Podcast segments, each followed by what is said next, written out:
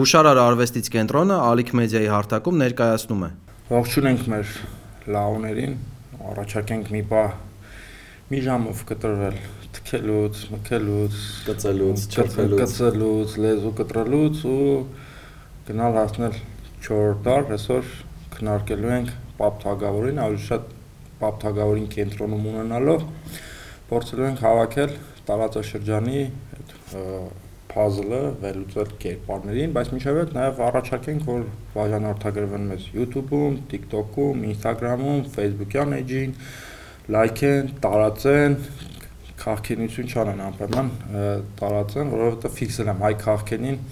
նույն բանը ռուսերեն, անգլերեն կտարածի, կնայի, բայց լավ գոյություն չունի։ Դե իրանք տենց ցածրակարգ բաներ չեն նայում, չէ՞։ Հա։ Նենց որ բաժանորդագրվեք, զանգակ,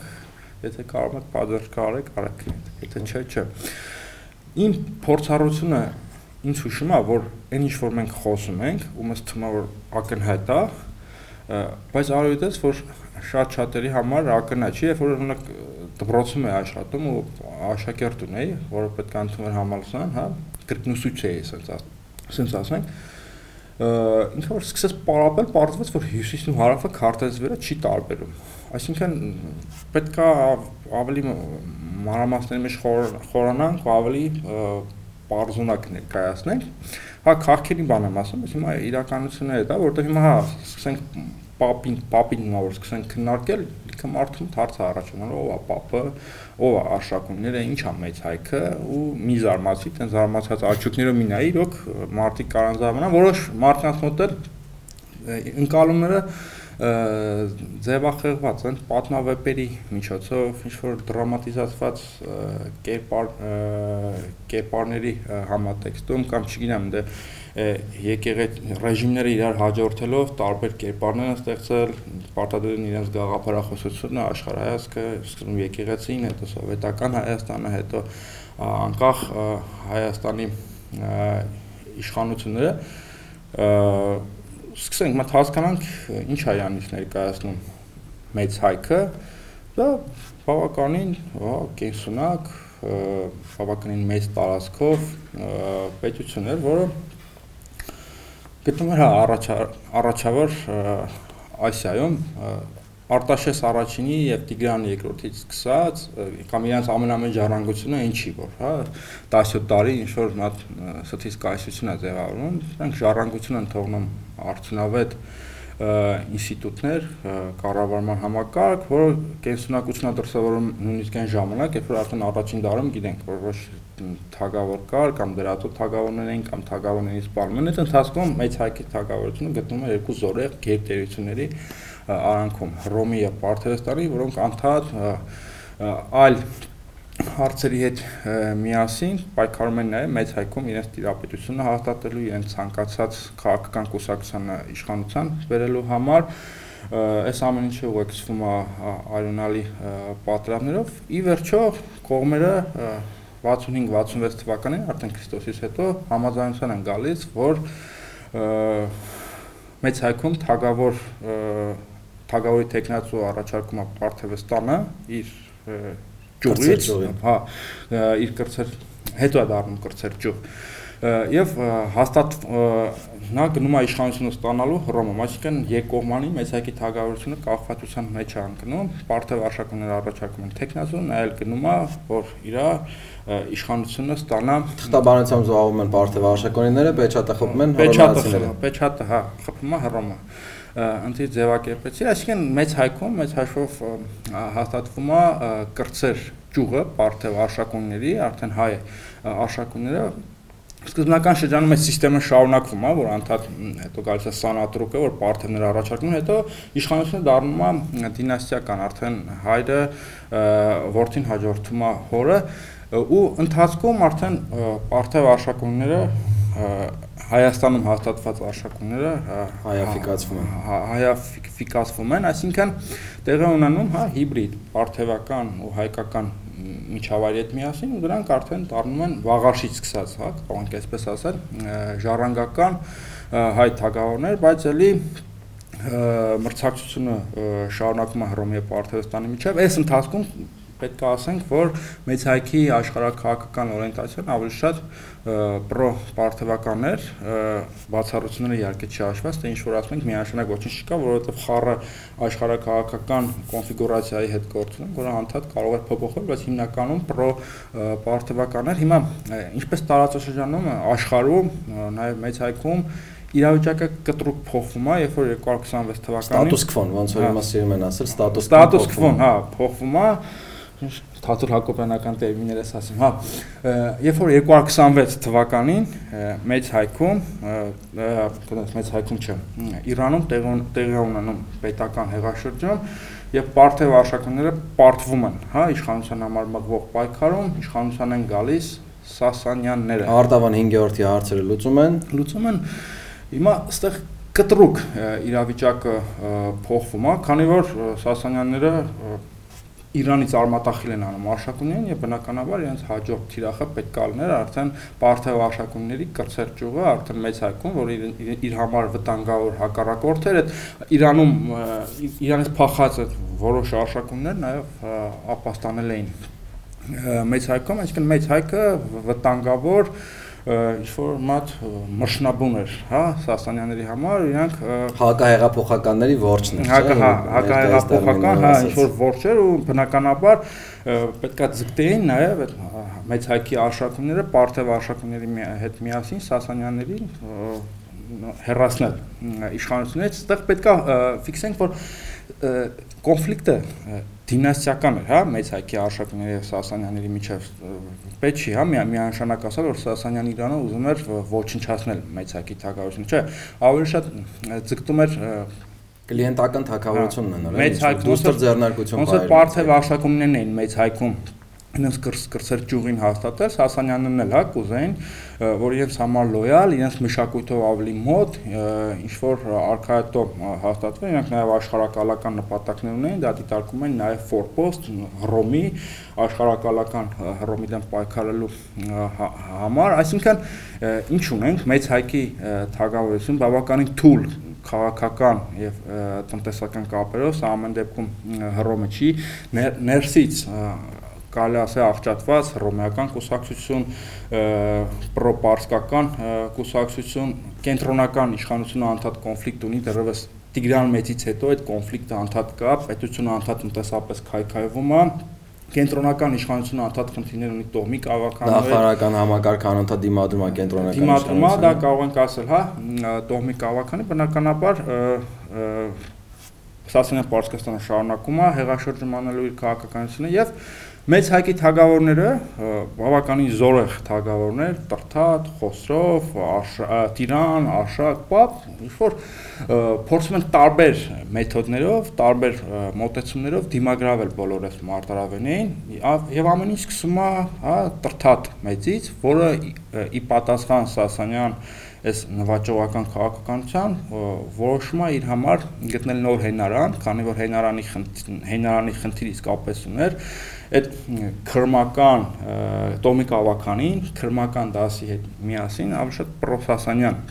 կողմնորոշումներ ինքը իր համար նոր հենարան է գտնում քրիստոնեական եկեղեցին, որը 301 կամ չգիտեմ այդ միջակայքում հրճակում է որպես պետական կրոն ի հակադրություն տոմիկ ավականու եւ քրմական դասի սա հանգեցնում է կտրուկ բախման, այսինքն երկրում քաղաքացիական պատերազմն է սկսում, ինչը ավարտվում է քրիստոնեության եւ արքունիքի, արքունիքի զորքերի հաղթանակով։ Սա որ քաղաքական, քաղաքակրթական քայլ էր, այսինքն Հայաստանում քրիստոնեության ընդունումը կարելի ասել քաղաքական կամ քաղաքակրթական պատասխաններ Իրանում 226 թվականի Սասանյանների հեղաշրջման ու դառնում է գործիք ներքին ներքին խնդիրների դեմ պայքարելու համար սա իհարկե շատ տխուր եւ արունալի զարգացումներ է ունենում քաղաքացիական պատրաստումը ել ավելի է, հա, կազմակերպում երկրի ներքին վիճակը նախարարական տներն հա բնաջնջվում այդ քրմական դասնա ոչնչացնում հիմա հաճախ ստեղ մի մոլորություն էլ կա մենք քրիստոնեությանը երևի առանձին ոդկաստ կնվիրենք որ քրիստոնեությունը եկա բնաջնջեց մեր մշակույթը, մեր քաղաքակրթությունը, իհարկե եւ այդ քաղաքակրթությունը ասված է մի փոքր չափազանցված է, բայց քրիստոնեությունը ստեղ ուղղակի գաղափարախոսության քաղաքական գործիքի դեր է խաղացել ու ինչպես տեսնում ենք կոնֆլիկտը շատ ավելի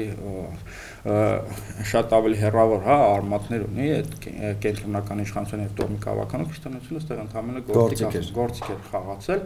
հիմա ավելի առարկայացնենք թեման գանք խոսրով Տիրան Աշակ ու կամաց մոտենանք Պապին խնդրեմ ես ոնց նայում եմ իրականում առանձնապես առանձնապես մեծը տրանք չունեին թե լուսավորիչը թե տրթատ մեծը այդ նոր ձևավորված իրավիճակում, որտեղ իրենք իրենք թե լծակներ չունեին, թե տարբերակներ չունեին ինչ որ քաղաքական քաղաքական վերափոխումների, ընտրել հռոմեական ճանապարհը, ու այդ քրիստոնեության ընդունումը ոնց որ ազդակ էր հռոմեական կայսրությունը, որ մենք այլևս թե թե գաղափարապես, թե կրոնապես, թե նաև քաղաքականապես ձեր Դե ասենք որ հիմա այս հեղաշրջումից հետո ավելի շատ պրոհռոմեական է դառնում, այլ բացառությունները չհաշված կնայես շատ։ Այդ թե քաղաքականապես, թե կրոնապես մենք մենք ձեր դաշնակիցներն ենք մի հավատի, հա, մի գաղափարի, մի մի ուղղվածության ու նաև հետաքրքիր որ թե լուսավորի լուսավորիչները իրենք թեև պարթևական ցակում ունեին, պարթևների տոհմներ, եւ նույնիսկ հետագայում երբ որ Սահակ երբ որ Սահակ Պարթևը Դիզբոնում դատի դատի ա լինում այնտեղ Բյուզանդի մոտ խորենացու մոտ կներես խորենացու մոտ է հիշատակում ոնց են ասում որ երբ որ երբ որ Պարթևական Պարթևակ Սասանյան թակ Սասանյան թակավորի բանագնացը բանակցում է Սահակետ, ասում Վարդան Մամիկոնյանին, չգիտեմ, թանկ Քոթորանը Վարդան Մամիկոնյանին թանկ տանք եւ այլն, դեռ ասում հիշի, որ մենք էլ ենք Պարթև մի տոհմից ենք, մի ցեղից ենք եւ այլն, բայց այսինքն թե տրթատը, թե լուսավորիչը իրենք նոր էլիտա են ձևավորում, նոր նոր այսպես այդ այդ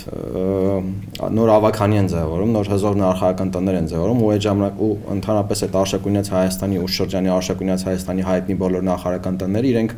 ցակումով այս շատ հետաքրքիր ֆենոմեն է, որովհետև իրանք ցակումով պարթև էին, բայց հռոմեական քաղաքական կողմնորոշում ունեին, նույն կամսարականները, նույն նույն լուսավորիչները, նույն Մամիկոնյանները, որոնց ցակման որոնց ցակման վերաբերյալ տարատեսակ բաներ կան, բայց օրինակ Ադոնցը երևի թե ամենահիմնավորն է բացվում, որ ավելի շատ երևի թե վրացական ցակում ունեն, վիրքից են, Ոնց չինացի չեն։ Չէ, ու չինաց չինացու ֆենոմենն էլ կա, չինացու ֆենոմենն էլ կա, բայց դրան կարանք հետո արադառնանք, շատ կարևոր չի, բայց հասնենա որ տրթատնու տրթատնու Գրիգորը նոր նոր էլիտա են ձևորում ընդդեմ պրո պրոպարսկական թևի, պրոպարսկական թևի նախարարության ու եթե աշխարհագրորենը նայենք, իրենք հենց գտնվում են հռոմեական կայսրության սամնակից մարզերում ու նաև թե կրոնական կենտրոնները, թե քաղաքական կենտրոնները, նախարարական տների, թե լուսավորիչների կրոնական կենտրոնը դարանաղի գառվում, որ քարտեզը նայենք հենց հռոմեական հռոմեական կայսրության սահմաններին ու ու նաև երբ որ ու նաև օրինակ հռոմեական աղբյուրների մոտ տարբեր տարբեր հատվածներ կան, որտեղ նշում է, որ Տրթատի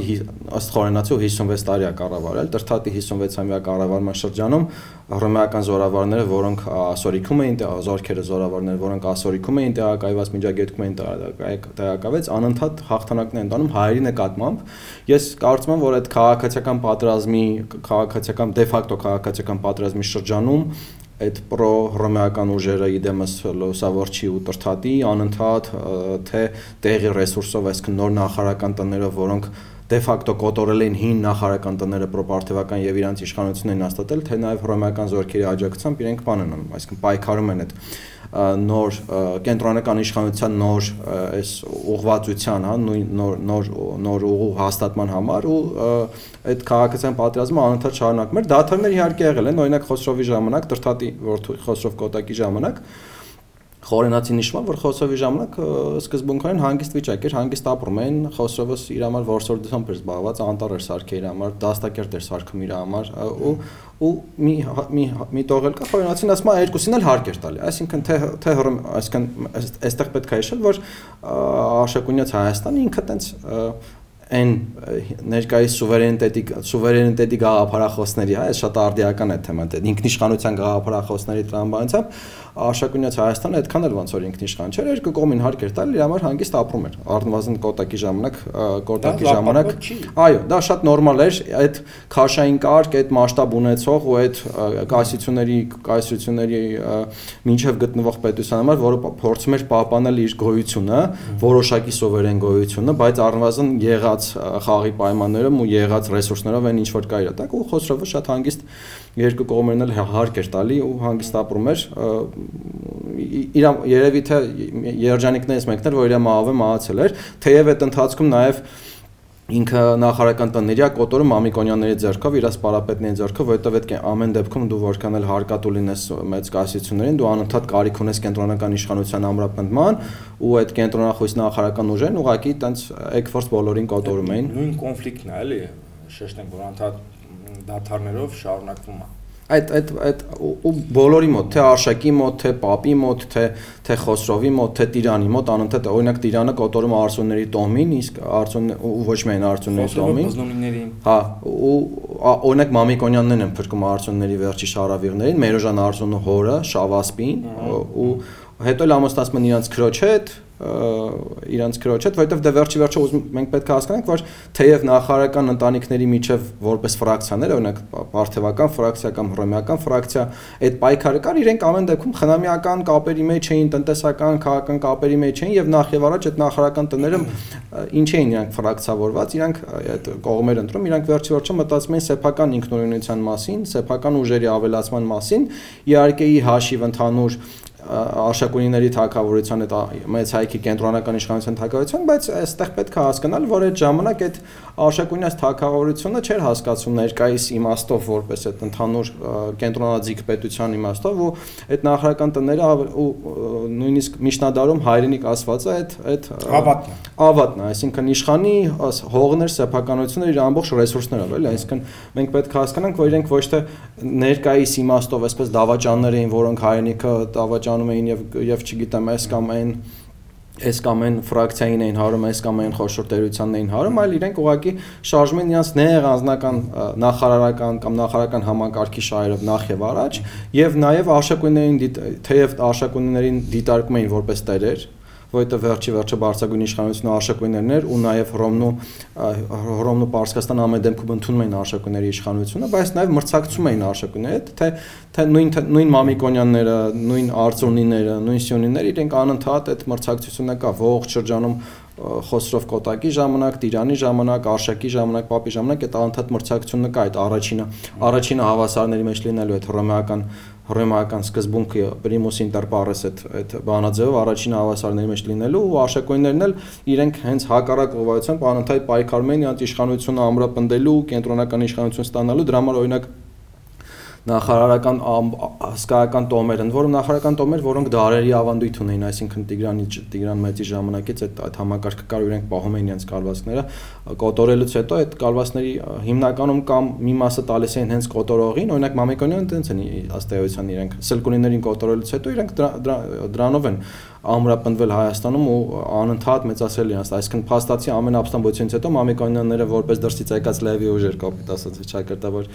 կոտորում էին այդ ապստամբներին ու ստանում էին իրենց հողերը, իսկ այն լավ լավ թոթոլ մասերը, լավ այդ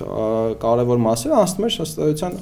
դե ֆակտո աշակույների ուղիղ տիրապետության տակ, այսինքն մեն իրենց Ես կարծում եմ որ շատ կարևոր է էլի մարդկանց բացատրել, որ վաղ միջնադարի մասին խոսք ունենք, որը դեռևս միջնադարել չի։ Ինչ որ անցումային բարդ շրջափուլ է ու չի կարելի էլի մեխանիկորեն ոնց որ հիմա շատ անում են այդ կերպարներին կամ ժամանակաշրջանը տրանսֆորմացնել 21-րդ դարում ու փորձել տեղից ինչ-որ քաղաքական ճշմարտություններ ներկայիս արժեբանությամբ գնահատել անցել ամենահանցավոր բանն է որ կարաս անես պատմության նկատմամբ այդպես հիմա չի կարելի ասենց ինչ-որ հիմա էպիտետներ են չէ անդադ շնորհում պապը կամ արշակը պետականամետա կամ հայրենասեր կամ չգիտեմ ազգային Վահան ու Մերոժանը դավաճաններ էին։ Իրանց համար առաջնային է իրանց դինաստիական շահներ, իրանց հայրենիքի, այսինքն ավարտ կալվածքների չկար, նոր նոր կալվածքների կալվածքների շահներ եւ այս պրիզմայով պետք է դիտարկել։ Իհարկե ճշմարտություններ կարելի է այնտեղից քաղալ, բայց չի կարելի, հա, ինչ որ մեխանիկորեն մեխանիկական արքետիպեր ստեղծել ու մեր քաղաքական իրականությունը փոխակերպել դիցաբանության։ Օրինակ Ռաֆին եւ Աբովյանը ունեն իրեն ժամանակներում այսպեսի անհրաժեշտություն ինչ որ թագավորի կերպարի հա դրամատիզացում եւ այլն մենք ինձ թվում է ավելի լուրջ թեմաների մասին պետքա խոսենք, չգիտեմ, ազատ շուկա, կապիտալիզմ, երկրի անվտանգություն, մենք ամենևին էլ հիմա 30 տարվա պետություններով կարիք չունենք ինչ-որ պետականամետ թագավորի կերպար դրամատիզացնենք, բայց չէ նշանակում այնտեղից ճշմարտություն չի կարելի, պետք չի քաղալ Ավելին ասեմ, նույնիսկ այդ արշակույնները, որ անընդհատ իրենց կենտրոն իրենց իշխանության ամրապնդման համար թե թե մեկ գնում էին բարթևական, այսինքն այդ մայատնիկը տատամը մեկ բարթևական կողմը, մեկ հռոմեական կողմը։ Արդեն ասենք պարսկական։ Հա, պարսկական, Սասանյան կողմը, թե հռոմեական կողմը։ Որտեղ այնօրվա պատմությունը չլինի, էլի, Սահակ, Ներսես, շփոթենք մեզ էլի հա։ Սասանյան կողմը։ Թե Սասանյան կողմը, թե հռոմեական կողմը, բայց նույն արշակունները նույնիսկ նախարարական տոմերը կոտորելուց զատ, այսինքն եթե ասես իրենք իրենց էին նույնիսկ օրինակ արշակը աղբոր տղեկին սպանեց, հորը սպանեց, նո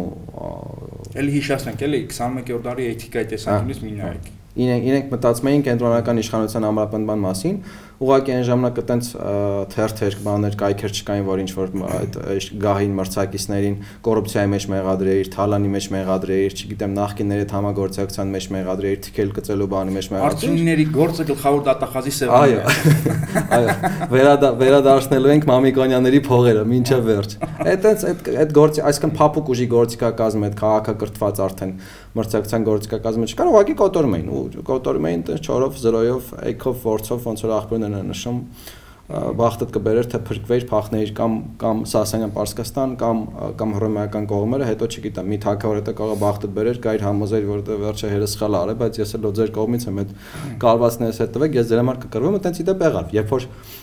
Արշակի ժամանակ, Պապի հոր ժամանակ, Արշակ երկրորդի ժամանակ Արշակը այդ կամսարականներից արտագեր ամրոցներ ուզում, որը այդ ժամանակ այդ ժամանակ միջնաշխարհի երևի թե ամենահզոր ամրոցներից մեկն էր, անառիկ ամրոց էր։ Մարդկանց կարան խորտակ Ստեփան Զորյանի հրաշալի երավեպը առաջին մասը։ Պասի թող խորենացի, գոնե խորենացի, խորենացի այնտեղ չգիտեմ։ Նրանք խորենացի կարդացողը չեն թող։ Գոնե Ստեփան Զորյանի։ Խորենացին ավելի փոքր է։ Ես որպես ես որպես մեր մեր դիտորդների պաշտպան, ասեմ որ Խորենացին Ժորժան ավելի փոքր է, ավելի կարճ է, ավելի թեթևագր է, Ստեփան Զորյանի հետ հեկտարներով գրածի փոխրեն գոնե Խորենացի կարծես։ Բայց Խորենացի կարծելամը նաև ինչ-որ օգնական է պետք էլի, որտեղ Խորենացի խճճում է։ Իրականում եթե նախաբանը գոնե կարդան, որովհետև նախաբանը գրած է հենց այն մարդկանց համար, ովքեր այդ, չգիտեմ, պայմանական ինչ-որ ֆակուլտետներ չեն ավարտել։ Խորենացի կարդացեք, հետո այնտեղ անցնենք նրան արշակը նույնիսկ արշակը երբ որ կոտորում է կամ արտագերս ամրոցներ ուզում կամ սարականներից ու կամ սարականներ չէին տալի ասում են ախպեր ջան թակավոր թակավոր բայց ես իմ իմ կարվածքն են այ քեզ բան չկա տալու իրանք Շիրակի այո այո ներկայիս տենց Շիրակը շատ մեծ էր այն ժամանակ հյուսիս հյուսիս արևմուտք ընկած հատվածը Շիրակի տերերն Արշարունիքի Շիրակի տերերն էին ու երբ որ կոտորում է կամ սարականներին արտագերս ամրոցը վերցնում է կամսարականների վերջի շարավիղը փախնում է հռոմեական կայսրություն։ Փախնում է էլի երևի Մամիկոնյաններ են փրկում, որովհետեւ Մամիկոնյանները համ կոտորում էին, համ փրկում։ Մամիկոնները իրականում այդ առումով ֆենոմենալ տոհմեր էին, որ տոհմ էին, որ այդ այդ քաղաքականությունը շատ ավեր են ստացվում։ ասենք հսկական նախարարական տոհմեր կոտորեին ու միաժամանակ նաև բանոն էին, չգիտեմ։ Փրկեին, լավամարտ դառնային, հետո նաև ամուսնացնեին իրենց աղջիկեր, աղջիկների կամ տղաների հետ, ինչ որ տենց այսինքն խնամիական կապեր էին հաստատում, կոպիտ ասած այդ մտրիկի մտրակի եւ բլիթի քաղաքականությունը շատ լավ են կերել ու ոչ միայն Մամիկոնյանները, այսինքն այդ ժամանակ այդ նախական տները կլասիկ Game of Thrones էր, որ եթե օրինակ անգերս լինենք այդ ու ներկայիս տերմինոլոգիայով խոսանք, այդ այդ վաղ վաղ միջնադարի հայ աշակերտների պատմությունը, որ նայում ես, աղբյուրները դե քանի որ շատ են բարեբախտություն մեզ այդտեղ պատկերը շատ լավ է բացվում, էլի։ Նաև հետազոտություններ կան բավականին շատ արված այդ շրջանի, քան որ աղբյուրները շատ են, տես լրիվ Game of Thrones-եր էլի։ Վերջը արշակը այդ արտագերսը որ խլում է կամ սարականներին սպանում է, այդ արտագերսում իրանք շատ այտենց հարցեր ունեն, այսինքն նույնիսկ նույնիսկ այդ ներքին քաղաքականության հարցեր կարող է ինչ որ այտենց ինչ որ ինչ-ինչ աշակունյաց տիրակալներ որոշեին, որ չգիտեմ, պաշտպանության համար, չգիտեմ, ինչ որ ներքին քաղաքականության համար ինչ ինչ որ կտորներ էր պետք, ուղակի ուղակի վերցնեին։ Ուրիշ բան է կար, օրինակ Բյուզանդի մոտ հիշվում է անօրին տերմին կա հատուկ անօրեն պատերազմներ, որտեղ նախարարները նախարարները առանց կենտրոնական իշխանության սանկցիայի, այսինքն առանց արշակունիների կամ լուսավորիչների տոմի, որոնք մեծ դատավարությունն էին, այսինքն իրենք էին վերջի վերջ այդ ճշտի ու սխալի հարցերը լուծում, իրենք կարող է մասնավոր պատերազմներ մղեին իրար դեմ, իրականում մասնավոր պատերազմները տարածված էր թե արևմտյան Եվրոպայում, թե արևելյան Եվրոպան, ինքը միջնադարի համար, ինքը ավատատիրության համար շատ տարածված երևույթ էր, բայց օրինակ արշակույնները այդ մասնավոր պատերազմների պատճառով կարող մասնավոր պատերազմ վարող երկու նախարարական տներն էլ ուղակի սրատ էին։ Լավ։ Միաժամանակ երկու կոնֆլիկտները շարունակվում են. Ռոմ, Սասանյան, Պարսկաստան, անդադ պատրամներ Կիզակետում բնականաբար մեծ հայկի թագավորությունը։ Ստա մի հատ կներես մի հատ մի պահ բան ավելացնեմ շանակին։ Այստեղ հարկ է հիշել, որ ոնց որ ներկայումս, երբ որ Արևմուտքի ու Ռուսաստանի կամ Արևմուտքի ու Չինաստանի միջև հակամարտություն կա ու թատրաբեմերը տարբեր են, ու կան օրինակ առաջնային թատրաբեմեր ու կան երկրորդային թատրաբեմեր, օրինակ հիմա առաջնային թատրաբեմը Ուկրաինան է, հետո նոր միգուցե Կովկասը կամ ինչ որ չափով եւ մնացած է, այն ժամանակ Հռոմի ու Սասենյան Պարսկաստանի միջև այդ հակամարտության առաջնային թատրաբեմ իր իրականում ասորիկն ու միջագետքն էր։ Ու մեծ հայքը ինքը երկրորդական թատրաբեմ էր, բայց երկրորդականներն առումով որ երկրորդականներ ոչ թե որ շատ քիչ կարևորություն ունեն, այլ այլ որ ինքը նաև ոնց որ այդ առաջի թատրաբեմի ասորիկ միջագետքի շարունակությունն էր, որովհետև հարևանությամբ էր գտնվում այնտեղ թակավորություն կար, որը ռեսուրսները շահել էր պետք։ Անենք, որպես աշխարհագրություն երկրորդական էր, բայց որպես ռեսուրսներ ունեցող, որպես բանակ ունեցող, որպես պրոֆեսիոնալ այրուձի ունեցող մատակարարող միավոր առաջնային է, որպես աշխարհագրություն, հա, առաջնայինը ասորիկը հյուսային միջագետն է։ Կոնֆլիկտը շարունակվում է Հռոմի եւ Պարսկաստանի միջեւ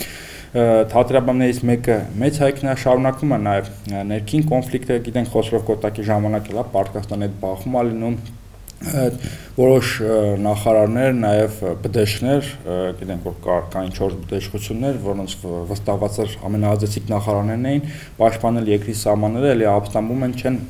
դիմադրում կոնֆլիկտը շարունակվում է նաև Տիրանի ժամանակ,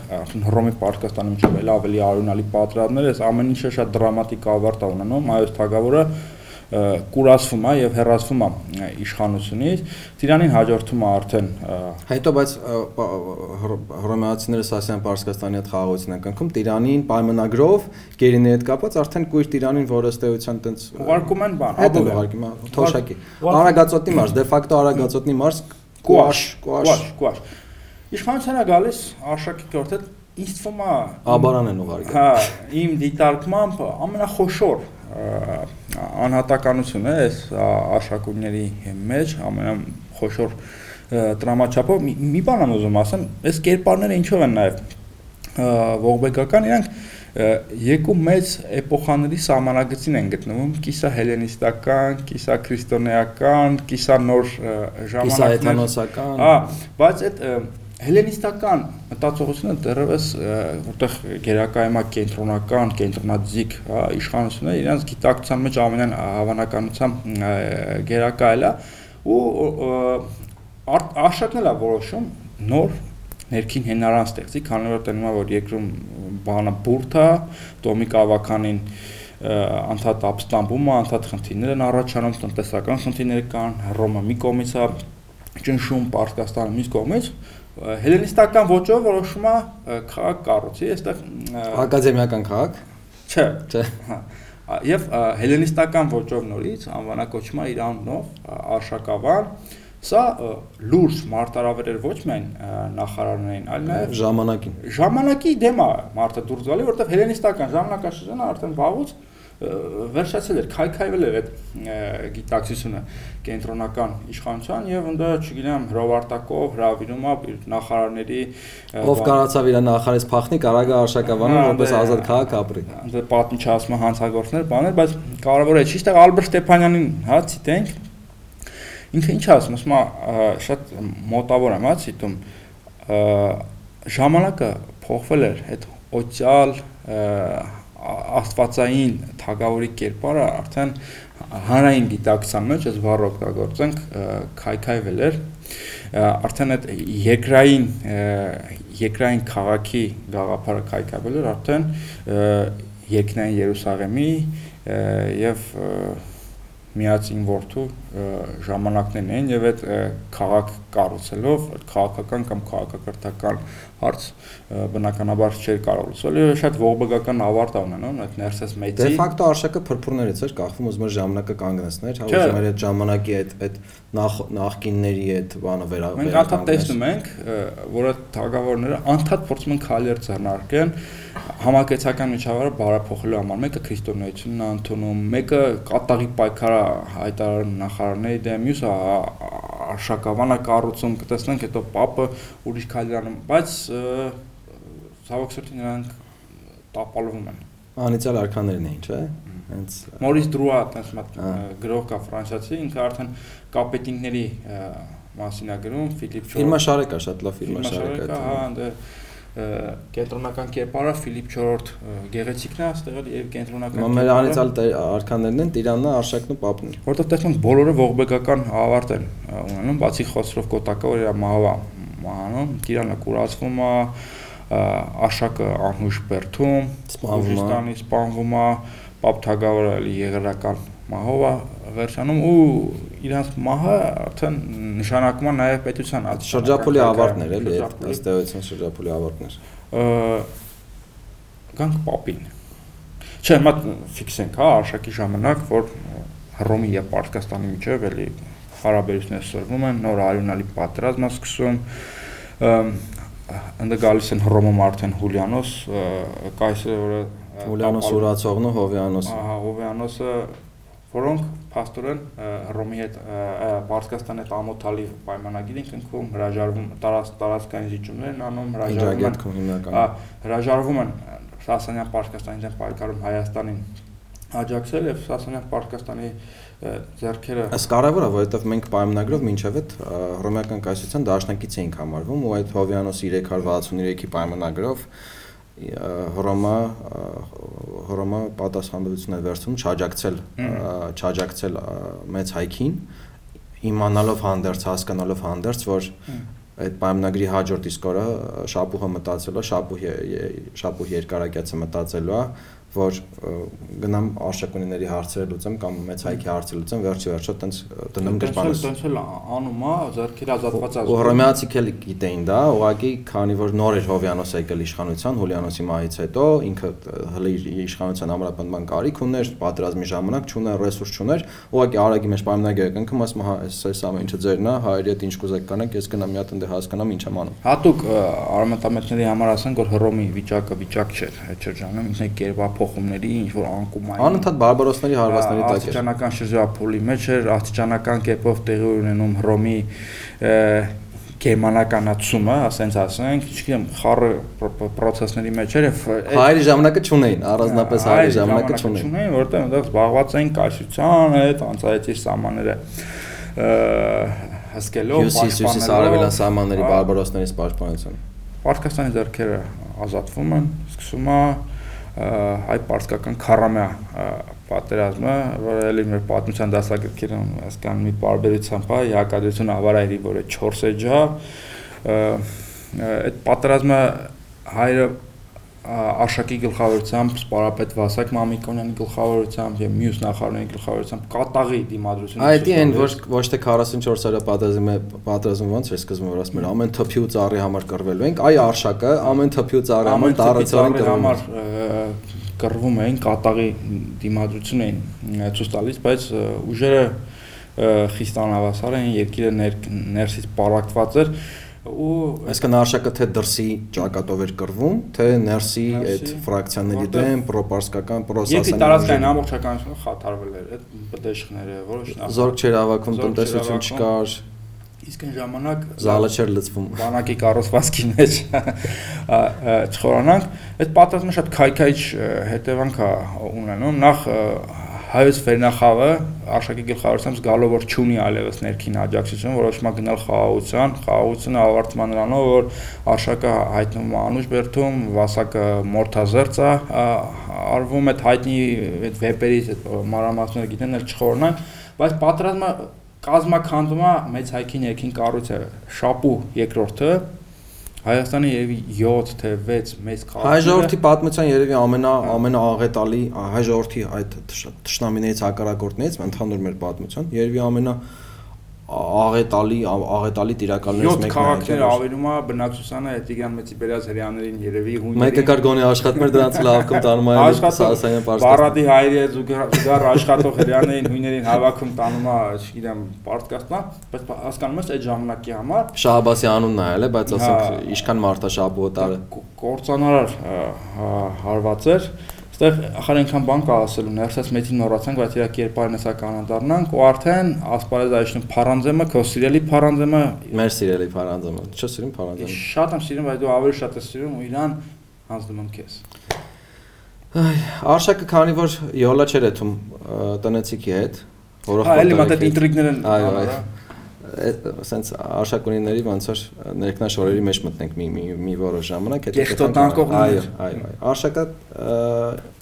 հորետ չուներ թեև կուրացված էր, բայց հերը անընդհատ տենց աղբյուրները որ նամես անընդհատ փորձում էր ինչ-որ տենց Հետո գայ ժառանգորդը արշակը չէր էլի։ Այո, այո, արշակը տենց հերթով երրորդն էր։ Երկու աղբյուրներին է սպանել էին, բայց երկու աղբյուրների ժառանգները գնելու տիրիթը կային, որոնք որոնց հռոմեացիները ոնց որ թե առաջի հայացքից նվեր էին արել, որովհետև ազատել էին ուղարկել էին արշակին, ուղարկել էին, այո, բայց դե ֆակտո ոնց որ երկու մրցակցի ուղարկել ուղարկել էին արշակի տակ ու ասեմ քեզ գնելն ու տիրիթը նաև դեմ չէին իշխանություն վերցնել, որովհետև պապի հետ, կուրացած տիրանի հետ տենց արիշ վերիշների մեջ էին։ Գնելը իսկական լեգիտիմ թագավոր։ Այո, ու ավելին ասեմ, գնելը նաև լավ, նաև խորամուտ քաղաքական գործ էր, որովհետև այդ պահին ինքը հասկանում է, որ ներսում կանոնանալու համար նախարարական ընտանիքների հետ պետքա դաշտին կազմել ու ամուսնանում է սյունիների Սյունիների Փարանձեմի հետ, Սյունյաց Տոմի նահապետի աղջիկա Փարանձեմի հետ, դրանով ոնց որ նոր դաշնակիցներ ունի ու նաև Բյուզանդը պատմում որ անընդհատ մրցախաղեր էր կազմակերպում նախարարների կրծեր ворթիներին էր հավաքում իր մոտ, այսինքն տենց քայլ առ քայլ իր այդ իր այդ շքախումբներ էլի, այդ իր այդ պոտենցիալ արքական շքախումբներ ձևավորում ինչ որ Արցունների հետ էր շատ լավ, չգիտեմ, Սյունների հետ էր շատ լավ, Եվի Մամիկոնյանների հետ ված չէր, այլ այսինքն այդ բանը կար ու արշակը parza որ չէր նստելու նայր թե ոնց է իր մահացած եղբոր ворթին գահի լեգիտիմ ժառանգներից մեկը դե ֆակտո փորձում իշխանություն իրա Պակիստանի ու մի օր ուղակի բանի տոնին, նավասարդի տոնին կանչում է արխայական բանակատեղի ու սպանում է ու սպանում է գնելին, հետո էլ ասում է դե ուղեղս տիրիթն է գերը, գնելի հորախոր տղեն իր մյուս ախոր տղեն ուղեղս տիրիթն է գերը, չարա չարախոսել է գնելի, ասեն տիրիթին էլ է սպանում հետո նաև հետո նաև Բյուզանդը հիշում է որ Սենեկա Սենեկապետերից մեկը կույր արքայի Տիրանի արշակի օր խեղդում են Տիրանի հարցերն էլ ընդեղ են լուծում արշակս մնում է միայնա տիրակալը միայնա միայնա գահակալը եւ բոլոր մրցակիցների հարցերը լուծում է ուղակի ու ու գնելի այրուն Փարանձեմին վերցնում է իրան որպես կին կամ որպես հաճ, այսինքն դե աղբյուրները տատանվում են։ Որոնք այնքան սիրուն են նկարագրում Փարանձեմին։ Հա, ուզում ես ամուսնանաս հետը, չէ՞, բայց դու ամուսնացած ես։ Լռի, լռի այդ մասը։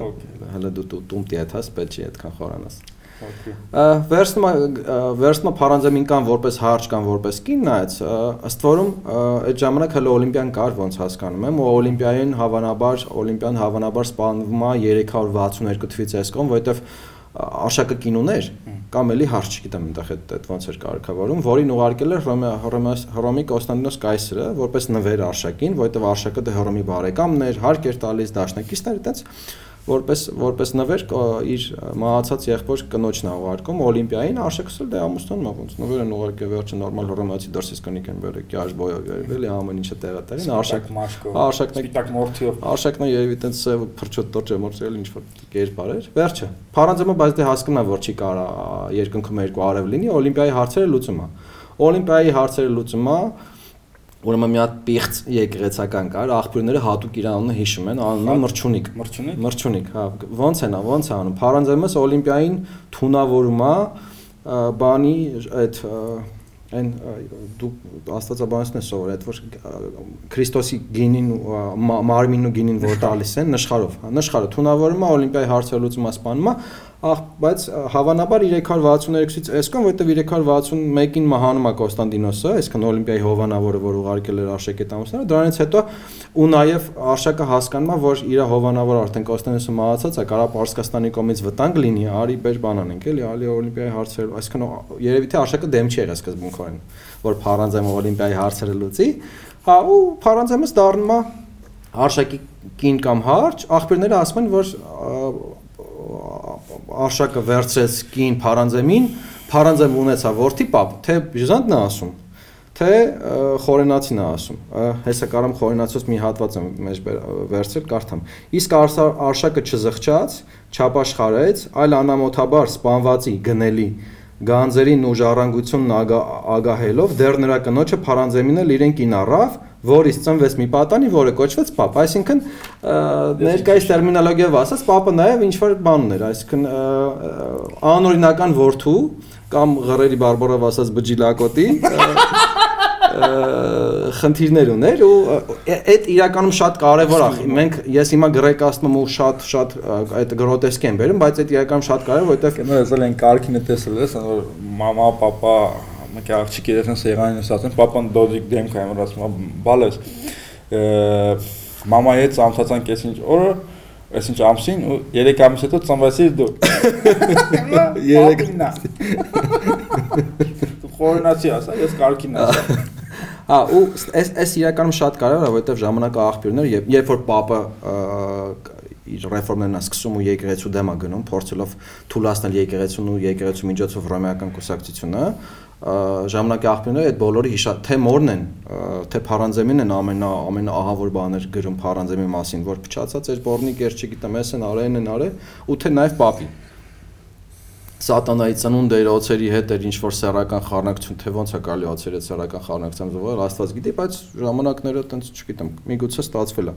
Կարող գրողը Ջաբրայել ծառայություններ կիմանա օծերի հետ ոնց են կենակ։ Չէ, լավ է։ Լավ է տերայր։ Լավ է տերայր, լավ է։ Հա, վերջը, այսինքն Փարանձեմի ինքը շատ խոշոր անատականություն էր արշակունիների շրջանում։ Ինքը այտենց արշակի մահից հետո երբ որ արշակը տանում է անուշ ու սպանվում է կամ դարդից ինքնասպանա լինում ըստ Բյուզանդի, դե խորենացին ասում սպանում են, Բյուզանդը ասում է դարդից ինքնասպանա լինում, երբ երբ որ այդ դրաստամատ ներքինը տուտում խմա ու հիշում է, որ ինքը ժամանակի նորմալ թագավոր է, իսկ հիմա շփթայակապ գերի անուշ բերտում։ Փարանձեմը դե ֆակտո իշխան երկրի տերն է լինում, պապին պապին ուղարկում Հռոմ, որ เป զի Հռոմից Հռոմից օկնական զորքով կամ Հռոմի խավորությամբ կամ օժանդակությամբ գա իշխանություն Հայաստան։ Կներես էլի Փարանձեմը ըստ էության խնդիր ունեցել փրկել դինաստիան, որտեվ դրա համար պապին է այո, այո, որովհետև դա պապի հետ մի բան ունի դինաստիան։ Վերջի ճյուղը, հա, երկիրը վերջ։ Միակ միակ ժառանգը ու միակ լեգիտիմ ժառանգը թակավորական գահի, արշակունի պապն է, ում տղեն գնել թե արշակի, ամեն դեպքում ինքը լեգի, այո, ամեն դեպքում ինքը գահի լեգիտիմ ժառանգեր ու արշակունի էր, այսինքն դրա դրա վերաբերյալ առվազն հակասություններ չկան։ Ուղարկում է հռոմ, որ փրկի, որ հովանավորությամբ քաղաքավորությամբ պրոմի գա իշխանության Բյուզան դասպա մի անգամ, բայց Ամիանոսը հռոմեացի պատմիչ Ամիանոսը, որ այդ ժամանակի անցքերին այդ ժամանակի ադարսներն անդարձել, ասում է, որ երկու անգամ պաշարում են արտագերսը։ Առաջի անգամ, երբ որ երբ որ ճամբարափոխ հայ հայ հայ նախարարները, որոնք անցել էին Շապուհի կողմը, Գղակն ու Արտավանը, որոնցից մեկը Գղակը երևի հայ մարտպետների տոմից է եղել, իսկ Արտավանը Մամիկոնյաններից է եղել։ Ժամանակ իրենք ոնց որ թե կապ են հաստատում հռոմեացիների հետ, անցնում են Փարանձեմի կողմը Պապը հետա գալի իշխանության, այդտեղ այդտեղ Ամյանոսն էլ Բյուզանդել ասում են, որ բանակցներ են գնում Հռոմի հետ, որ Պապին բերեն իշխանության, բայց Պապին բերում են առանց թագի, որովհետև 363-ի ամոթալի պայմանագրով չէր կարող աջակցել, թագ չեն տալի, ասում են, բայց մի քիչ զոր կտան գնան դե բզբզա, թե կարաս պայես, պայես, էլի։ Երկրորդ անգամ ապշապու հետ գալիս, երկրորդ անգամ արշավում, այս անգամ պապը փախնում է ներկայիս Փոթի կողմի անտառները, Լազիկյան, հա, Փոթի կողմն է անտառները, մի 5-6 ամիս այնտեղ ինքը գլակն ու արտավանը փախած գնում ընդ անտառները լրված են եւ ձեր այդ մաշնամուշնայք բերեին այն ժամանակ, ինչ էին բերում, չգիտեմ։ Երկրորդ անգամ պաշարման ժամանակ արտագերսի պաշարման ժամանակ արդեն Փարանձեմից գերեվարում են, գանձերը վերցնում են, Փարանձեմին տանում են Տիզբոն, դատում են, Բյուզանդը ասում որ Փարանձեմին առանձնական սեռական մեքենայով պղծում են եւ սպանում են, Խորենացին ասում է ուղղակի Փարանձեմին սպանում են, այսինքն տենց քանի որ Բյուզանդը քանի որ Բյուզանդը ինքը այդ պրո եկեղեցական էր ու հակա հակա արշակունի էր ըստ էության, հակա պապ էր, հակա Փարանձեմ էր, հակա արշակ էր, այդ առումով տենց շատ պիղծ բաներ է գրում փառանց ոնց են փառանձամին վերաբերել դիսբոնում, բայց օրինակ նույն Խորենացին ու Ամյանոսը տենց իրենք ուղղակի ասում են որ սպանեցին փառանձամին առանց այլև այլությունների։ Միգուցե եւ շապուհը զայրացած է եղել որ ինչ որ կինը երկու անգամ կարողացել է իր հազոր բանակի դեմ առնի արտագերսի դեմ պայքարի, բայց առնվազն ես հակված եմ որ երևի ուղղակի սպանած կլինեն, էլի տենց։ Փառանձամին։ Մոռացանք ամենա ամենահզոր, ամենազորեղ կերպարներից մեկին Մերուժան Արսենում, որին մեր պատմագիտությունը, մեր վեպերը, պատմավեպերը պիտակել են որպես դավաճան, Արշակունների դեմ Արշակունների գլխավոր Ախոյանը հակառակորդը պարկական պրոպարկական կուսակցության ղեկավարն է ղեկավարը, հա, Մերուժան հենց Մերուժան Արսուններ եւ Վահան Մամիկոնյանը այս իրադարձությունները շատ չգիտեմ դու կան չես իրեմ նկարագրված են Սամվել վեպում, բայց դա պետքա ֆիքսել էլի, որ շարունակում է նույն քաղաքացիական պատերազմը, ինչ որ քրիստոնեության ընդունման ժամանակ մեկնարկել էր, ուղղակի արդեն մի փոքր միկրո մասշտաբով արդեն մի փոքր միկրո մասշտաբով։ Սա շատ կարևոր բան է, էլի ուզում ֆիքսենք ավարայի վարթանանքի ժամանակ էլ դրա մասին խոսեցինք հիմա հերա հերավորությունից որ մենք նայում ենք մեր աշխարհայացքով ենք նայում հիմա որ ինչ որ մեկը քրիստոնեությունից հրաժարվի դա ինչ որ մատ պիղծ բան չէ կարա դիտարկվի կամ չգիտեմ այդ արդեն զարգացած միջնադարում բայց այն ժամանակ քրիստոնեությունը դեռևս հələ մեծ հաշվով ախր գերակա կրոնել չէր հələ չէր հաստատվել հələ այդ արշտիշարի ժողովը նոր էր եղել այդ եկեղեցին հələ չէր հաստատվել չէր հայաֆիկացվել չէր հայաֆիկացվել բնակչության մեծ մասի մասին մենք տեղեկություն չունենք ու ամենան հավանականությամբ Հայաստանի հարավային եւ արևելյան գավառները շարունակում են ունենալ նախաքրիստոնեական կրոնական համակարգերի ծիրում եւ ըստ էության մնալ պրոպարսկական, հա, օրենտացիա։ Այսինքն ոնց որ նոր ձևավորվող քրիստոնեական Հայաստանը հռոմեական օրենտացիայով իդեմս իրանց պարագլուխների, այսինքն Արշակունիների, Մամիկոնյանների ու Պարթևների պայքարեր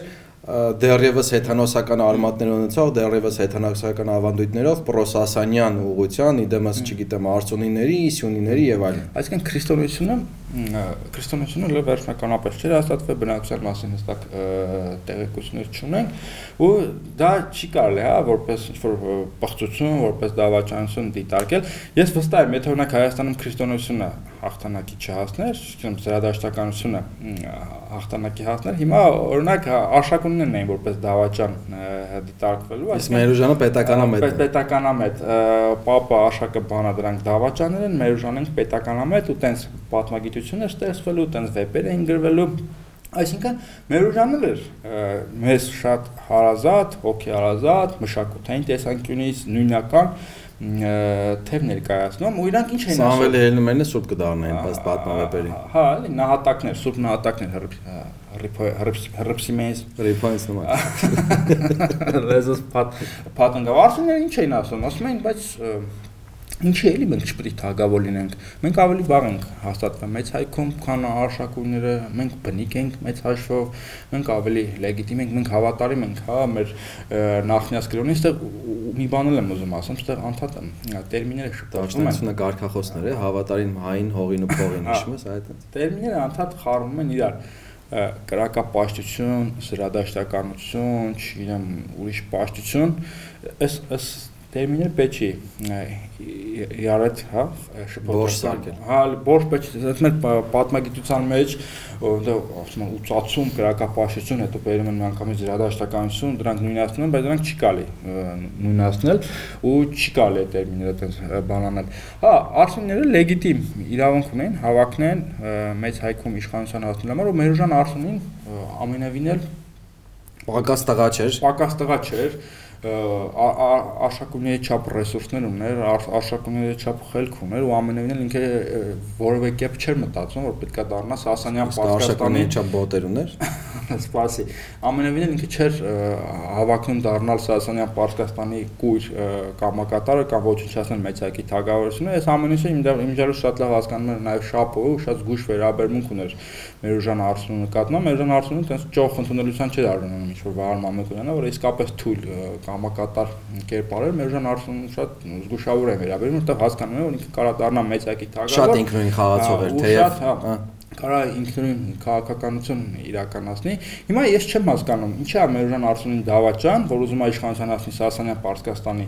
օգնությամբ, իսկ օրինակ արշակունները դավաճան չեն, որ հերիքշի իրանք ի սկզբանե հայ չեն եղել, մի հատ է իշխանության են ուզում հասնեն Հռոմի օգնությամբ։ Ինչի՞ է մեզ ասում հայ չեն եղել, որոշ աղբյուրներ, որ նայում ես, ոնց որ թե աֆղան են եղել, ու փուշտուն։ հա, Ինչի՞ է օրինակ Հռոմեամետ կուսակցությունը լուսավորիչները լեգիտիմ, իսկ օրինակ Մերժան Արսունու կուսակցությունը լեգիտիմ չի, որտեղ պրոպարտական օրիենտացիա ունի, այստեղ էլ որովհետև պրոպարսկական փորձագետները այդ ժամանակ լավ չեն աշխատել, նորմալ պատմագիտություն չեն հասկանալի է, մեր պատմագիտությունը ստեղծվել է։ Իսկ պրոհռոմեականները նորմալ փորձագիտական փորձագետներ ունեցել։ Ես հիմա ուզում եմ Մերուրան Արսունուն ռեաբիլիտացիայի ենթարկել եւ եւս մեկ անգամ հիշեցնել, որ հայոց պատմությունը ու մեր պատմական էվոլյուցիոն ընթացքը հերոսների եւ դավաճանների մեխանիկական հերթափող չի ու ամեն կերպար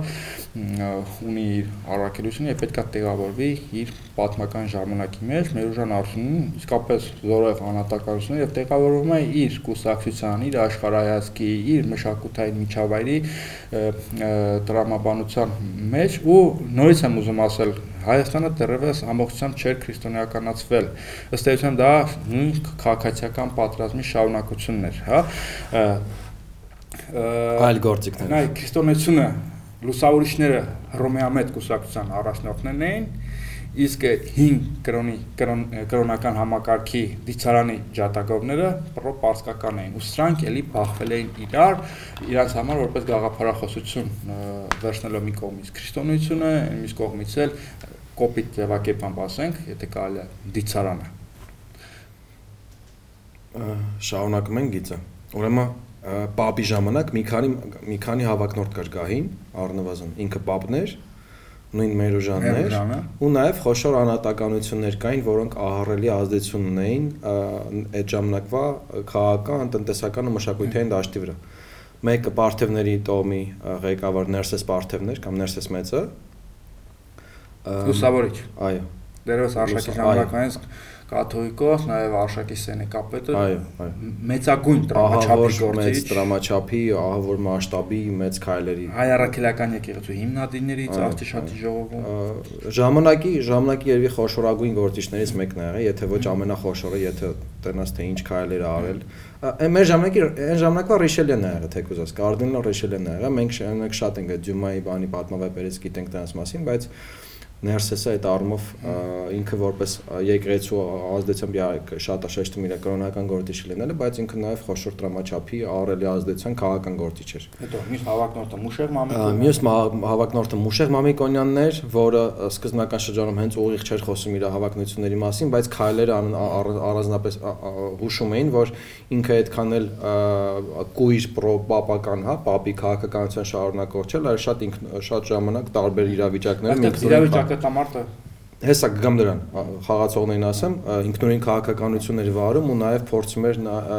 թե ներքին սեթինգում այսինքն նախարարական տների հետ թե նաև շապուհի եւ մնացյալը ինչ-ինչ ինչ որ ժեստեր աներ օրինակ կանոնացը գրավում էր հետերուղարկում որ այսինքն իր դիրքը ավելացնել ուրեմն այս այս 4-5 խոշոր խաղացողներն են քաղաքացիական պատերազմը գնում է ֆրակցիաների բաժանված պետ ֆրակցիաների բաժանված պետությունը Պապը հռոմեական զորքերի իշխանությամբ գալիս է Հայաստան 371 թվականին Զիրավիճակնամարտում ջախջախում է պարսիկներին զորքերի զոր, զորքերը դա մի քանի մասերի էին բաժանված իրաց հրանատաները զորքերի հրանատանից մեկը Բագրատ Բագրատունին սպանում է Մերժան Արծունուն այդտեղ վիպական մասեր կան բյուզանդիմատ ոնց է ոնց է այդ երկաթե այդ կրակի մեջ ցած շիկացած թագը դնում Մերոժանի գլխին, ասում է ես որպես թագադիր, դե Բագրատների արշակների թագադիրներ են, ես որպես թագադիր թագադրում եմ, պես սպանում են։ Իդեպ այդտեղ նաև խորն այդտեղ Մանանջան ասում որ երևի թե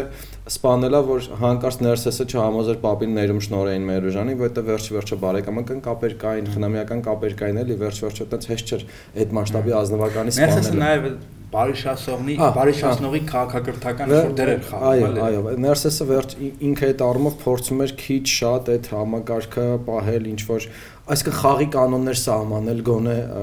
ինչ որ չափի խաղի կանոններ սպանել, որ պետությունը ինչը վերջ թաղվեր այդ քաոսի, այդ քաղաքացիական պատերազմին ամենա ահավոր վիճակների մեջ, Վերջը բայց սպանում է մեր ժանարությունը։ Որտեղ երկի տարածքային ամբողջականությունը չկար։ Այո, դե իսկ ներսեսը մտածում էր, որ գոնե նախարարական համակարգի նախարարական համակարգը որպես այդպեսին մնար ապագայի համար։ Վերջը Բագարատը զիրավիճակտամարտի արդյունքներով պապը գալիս է իշխանության, Բագարատը սպանում է մեր Մերուժանին, Մուշեղը մի բան ավել ասեմ, զիրավիճակտամարտը մեծ հաշվով կարող են ենթադրել որ եղբայրասպան ճակատամարտը, որտեղ մի կողմում կրվում էր հայկական բանակը, ռոմեական զորքերով, մի կողմ հայկական զորքերը, էլի հայրեր կային, սրանից հաշվով, էլի նույն այդ եղբայրասպան։ Ընդ որում դրսից էլ դրսից էլ ուժեր կային, օրինակ աղվանքից ուժեր կային, լեզգիներից ուժեր կային, այսինքն տենց ինչ-որ այդ խառը դժողք էր, դե ֆակտո խառը դժողք էր, որտեղ հա հայերը հայերն էին սպանում տարբեր ֆրակցիաների կողմից, բայց ոնց որ հռոմեական թևը հաղթում է պարսկական սասանյան թևին, գալիս է իշխանության, պապը դառնում է հայոց թագավոր, Մուշեղը դառնում է հայոց զորքերի սպարապետ, Ներսեսը հայկական եկեղեցու հայկական եկեղեցու ղեկավար ու պապը սկսում է, պապը հասկանում է, որ պետքա պետքա բալանսավորել Հայաստանի արտաքին քաղաքականությունը, դիպլոմատիզացիայի ենթարկել Հայաստանի քաղաքականությունը եւ հասկանում է, որ չի կարա ինքը կայուն թակավորություն ունենա, կայուն իշխանություն ունենա ու մեծ հայքը ապրի խաղաղ ապրի խաղաղ, եթե չկարգավորի հարաբերությունները Սասանյան Պարսկաստանի հետ, այն նույն այն նույն Պարսկաստանի, որին ինքը նոր նոր հաղթել է։ Դրա համար Պապը սպանում է Գղակին ու Արտավանին, այն Գղակին ու Արտավանին, որոնք անցել էին Շապուհի կողմը արշակի ժամանակ ու պայքարում էին Փարանձեմի դեմ։ Ում Կոբուլետի այո, ում այդ Լազիկիայի անտառներում փոթի էին հանգստանում, ով ովքեր ռոմեացիքին խնդրում էին, որ Պապին բերեն իշխանության, Պապը սպանում է Գղակին ու Արտավանին, իր հիմնական բանագնացներն են, աջակիցներն, որոնք իրան օգնել են գալ իշխանության, ու հիմա որ նայում ես սպանում է Շապուի խաթր, որովհետև իրանք դե ֆակտո դավաճանել էին Շապուհին նաև ու պապը ոնց որ շապուհին ներկայիս տերմիններով մեսիջներ ուղարկելու համար որտես շապու ջան մենք էլ օբշի իրար հետ կարանք լավ լինենք շապուհին մեսիջներ ուղարկում կներես ընդհատեցի նաև մուշեր մամիկ այո այո հեսա որը ծիրավից հետո է աղվանի թագավորին, Ֆորնայրին, ասում է ես թագավոր սպանող չեմ, հա, բանը շապուի կանոնոցին, հստակ դա բանը ինչ որ դիցաբանություն չի, մեսիջը, շարունակի։ Նույն ձևի վասակը իդեպ Վասակի ժամանակ է կար, չէ՞, վերջը լեգենդներ էր, չէ՞։ Այդ մամիկունները շատ Հա, Մուխանաջաորթն է։ Մուխանաջաորթն։ Վերջը papa հասկանում է, որ դե նոր է եկած իշխանություն, ինքը հասկանում է, որ անընդհատ ռոմասների վրա հույս դնել այդքան էլ ոնց որ տրամբանական չի բանի առումով, բալանսների առումով, որովհետև ինչ որ բայի կարող է Հովյանոսի պայմանագիր կնքվի պայմանական ու դու մնաս շապուի պես շապուի հետ մեն մենակ շապուի տանի անուշ օրը տոր անհուշ բեր արդեն սկսել էր կլանել Հայաստանի արամից այո ու չգիտեմ քեզ է կարող տանեն անուշ բեր թորը տոր ընկնես պետքա բալանսավորել արտաքին քաղաքականությունը, այդտեղ գղակին արտավանի սպանում է, շապոյին ասում ենք, օբշի, այդ կարող լավ ունենք, բայց բանման ու նաև դրան զուգահեռ, այսինքն շապուհին ինչ-ինչ մեսեջներ ուղարկելով ցույց տալով որ կարանք բալանսի բերենք, դրան զուգահեռ նաև հասկանում եմ, որ այս քաղաքացիական պատերազմի ընթացքում չգիտես ոնց լուսավորիչների տոմը գնալով ավելի հազորացել, եկեղեցին ամենազորն է դարձել, ռեսուրսները ավոր մեծ են, բարթևների տոմը թողին դլի։ Հմ։ Եկեղեցու թեման ասեցինք թողեք։ Okay, սպաս։ Մյուս տային ասեմ։ Ա մուշերին Մուշեղին դարձնում է սպարապետ, Մուշեղը խորենացնել բյուզանդել ասում են որ մեծացնում է զորքերի քանակը, համակարգում է, այսինքն Պապի ժամանակ Մուշեղը թույլ չէր տալիս, որ դասալիկներ լինեին։ Դասալիկների հարցը Մուշեղը լուծում է, քո սիրած Մուշեղը, զորքը մեծացնում է, ամրապնդում է, բաժանում է ջոկատների, պարսկական այդ մնացած մնաց դե պարսիկները ոնց անես չեն գալի, մի զորքով միտեղ կանգնում, հետո հետ գալիս էին, ինչ որ հիմնական զորք կար, բայց մնացած զորքը ծրում էին ամրոցներով, բերթերով պահպանության համար։ Մուշեղս մի քանի տարի ուղակի այդ պարսիկների մնացորդները լարում է, ջարդում, լարում է, սպանում, լարում է, հանում է դուրս, մաքրում է երկիրը, ասկան դեմից բանակա ձևորում, հետո երկիրը մաքրում է ու այդտեղ papa արդեն ոնց որ ներսում կայուն միասնությունը ապահովում։ Այո, ներսում կայունացնելով ոնց որ բոլոր դիմադրության օջախները ջարդելով, հռոմեացիքի հետ արժանանակ ոնց որ դրած բարի դրացիական ներդաշնակության մեջ լինելով ու ու նաև շապուհի շապուհի համար շատ առանցքային մարդկանց գլուխներ ուղարկելով ցույց տալով որ ինքը միայն պրո հռոմեական չի ու Սասանյանների հետ էլ կուզի աշխատի ու ուզում է այտենց կոմպլեմենտար քաղաքականության գնա սկսում է հասկանում որ ներսում վերջնական կայունացման վերջնական իշխանության ամրապնդման համար պետքա ոնց ասեմ ռեֆորմի ենթարկի կամ ռեֆորմի ենթարկի եկեղեցին որ եկեղեցուն որպես ամենախոշոր ավատատեր, որովհետև եկեղեցն էլ էր նախարարական համակարգի մաս, լուսավորիչներն էին, լուսավորիչները ամենահզոր նախարարներն էին, ամենահզորներն էին մի քանի պատճառներով, որովհետև իրանք դիվանագիտական առաքելությունն էին, նաև նաև հռոմեական կուսակցության հետ էին լավ հռոմեացիների հետ էին լավ պարսիկների հետ ինչ որ արիշվերիչներ մասեցիր ես ասան, այդտեղ տարածված միֆ կա, որ թե Պապը հակաեկեղեցական գործիչ է, հատկապես այսօրվա համատեքստում ինքը շատ նորաձև է դառնում, հա, որ հիմա ինչ որ եկեղեցին եկեղեցիներ է կառուցում, այդտեղ ասում են ոնց ոնց ոնց կրնի բանը մատ եկեղեցի կառուցելու փոխարեն դրոն առեք, չգիտեմ, ԱԹՍ առեք, տանգ առեք, Մա այս դամալ այս այս համատեքստում այրուձի սարքեք, այրուձի սարքեք, այս համատեքստում պապի իբրև թե հա ճակերտների մեջ հակաեկեղեցական քաղաքականությունը բավականին նորաձև է դառնում եւ պապը հրճակում է որպես, չգիտեմ, աշխարհիկ հակաեկեղեցական գործի, բայց իրականում այդպես չի։ Ինքնիշխանության ջատագով պետականամետակով իրականում այդպես չի Պապին կարելի է համարել հայ առաքելական Հայաստան յայց առաքելական եկեղեցու հիմնադիրներից մեկը ինքը ինչ արեց եթե Մեսրոպ Մաշտոցը եւ Սահակ Պարթևը հայացրեցին եկեղեցին։ Պապը ֆիքսեց նրա առաջին հերթին աշխարհագրական սահմանները, այսինքն մարտարավեր նետեց ինտերնացիոնալ լուսավորիչներին եւ ներսես մեծի մահվանից հետո որ ասում են թունավորել է կամ չի թունավորել տարբեր կարծիքներ կան ես անհավանական չեմ համարում կարող թունավորած լինել դա շատ նորմալ է Մանավանդ որ նախորդ նախորդի Հուսիկին սպանել էր Տիրանը, որովհետեւ առանձնապես Օրմանյանը բանը ասում են Թոքեից է մահացել, ընդ նաև տեսակետ կա որ ծերուներ, բայց ինքը եթե հիշենք եփա կաթողիկոս ասել ամենայն ծերուն ծերուն չի, իր գործելու ամենակենսունակ տարիքում էր։ Մանավանդ լուսավորիչների տոմից բոլորին սպանել են այս կամ այն ձևով, այնտեղ իր մահով շատ քիչ 45-50 տարեկան եւ կաթողիկոսական աթոռը ումա հանձնում է, էլի այդ քրիստոնեական քրիստոնեության ընդունման այդ կոնֆլիկտի շարունակությունն է կաթողիկոսական աթոռը հանձնում է շահակին, որը Աղբյանոսի տոմից էր, իսկ Աղբյանոսի տոմը դրանք 5 քրմեր են, ամենաազդեցիկ քրմերը, որոնք լուսավորիչների համարվեք մրցակիցներն են։ Մրցակից եւ կարելի է ասել, որ հայ առաքելական հայ առաքելական եկեղեցում զուտ Հայաստան հայաստանյան այդ բառը բանապետություն Հայաստանյայց հա Հայաստանյայց տրամաբանություն է տալի ասում է դու էլ ինտերնացիոնալ եկեղեցի չես այսինքն թույլ չտալով որ նոր շահակ կաթողիկոսը գնա կապատովկա իրականում իրականում ստեղ ոնց որ ազնվության համար ասենք որ ընդեղից են ասում չուղարկես դրան մենք իրան չենք գործել։ Այնտեղ ժողով են անում։ Այո, այնտեղ ժողով են անում, ասում են մենք իրան չենք ընդունում։ Արսեղ կեսարանը կեսարացին լեգիտիմ չի, դու ներսեսի գլուխը կերել ես, հիմա իր մահը մահացել թե քո օգնությամբ։ Այսինքն առնվազն մեր կողմից այդ ոնց ասեմ միտումը կար ուղարկելու, բայց ասում են ախպեր չուղարկես դրան օծելու բան չկա, դու գլուխը կերել ես, այդ դրանից հետո արդեն ասում դե լավ, չուղարկում, չուղարկում մենք մեզ դով։ Այնտեղ ժողովալու նաև նաև Այդ շատ կարևոր է, էլի, որովհետև դու չես ուղարկում, թե քեզ ասում են մի ուղարկ։ Նա եթե թունավորած լիներ ամեն դեպքում այս վարկածներ կա, Բարսեղ կեսարացին հաստատ քրիստոնեական եկեղեցու այդ խոշորագույն հայերից մեկը հաստատ բունտ կաներ, ստե դրա համար թունավորման հարցը կասկածի տակ հայտնում, բայց էլի անհավանական չի։ Լուսավորիչները էլի եւս մեկ անգամ կրկնենք, որ հռոմեամետ պրո-հռոմեական կուսակցության առաջնորդներն էին եւ այս փոփոխությամբ Պապը նպատակ ուներ ոչ թե կազմակերպել եկեղեցին, այլ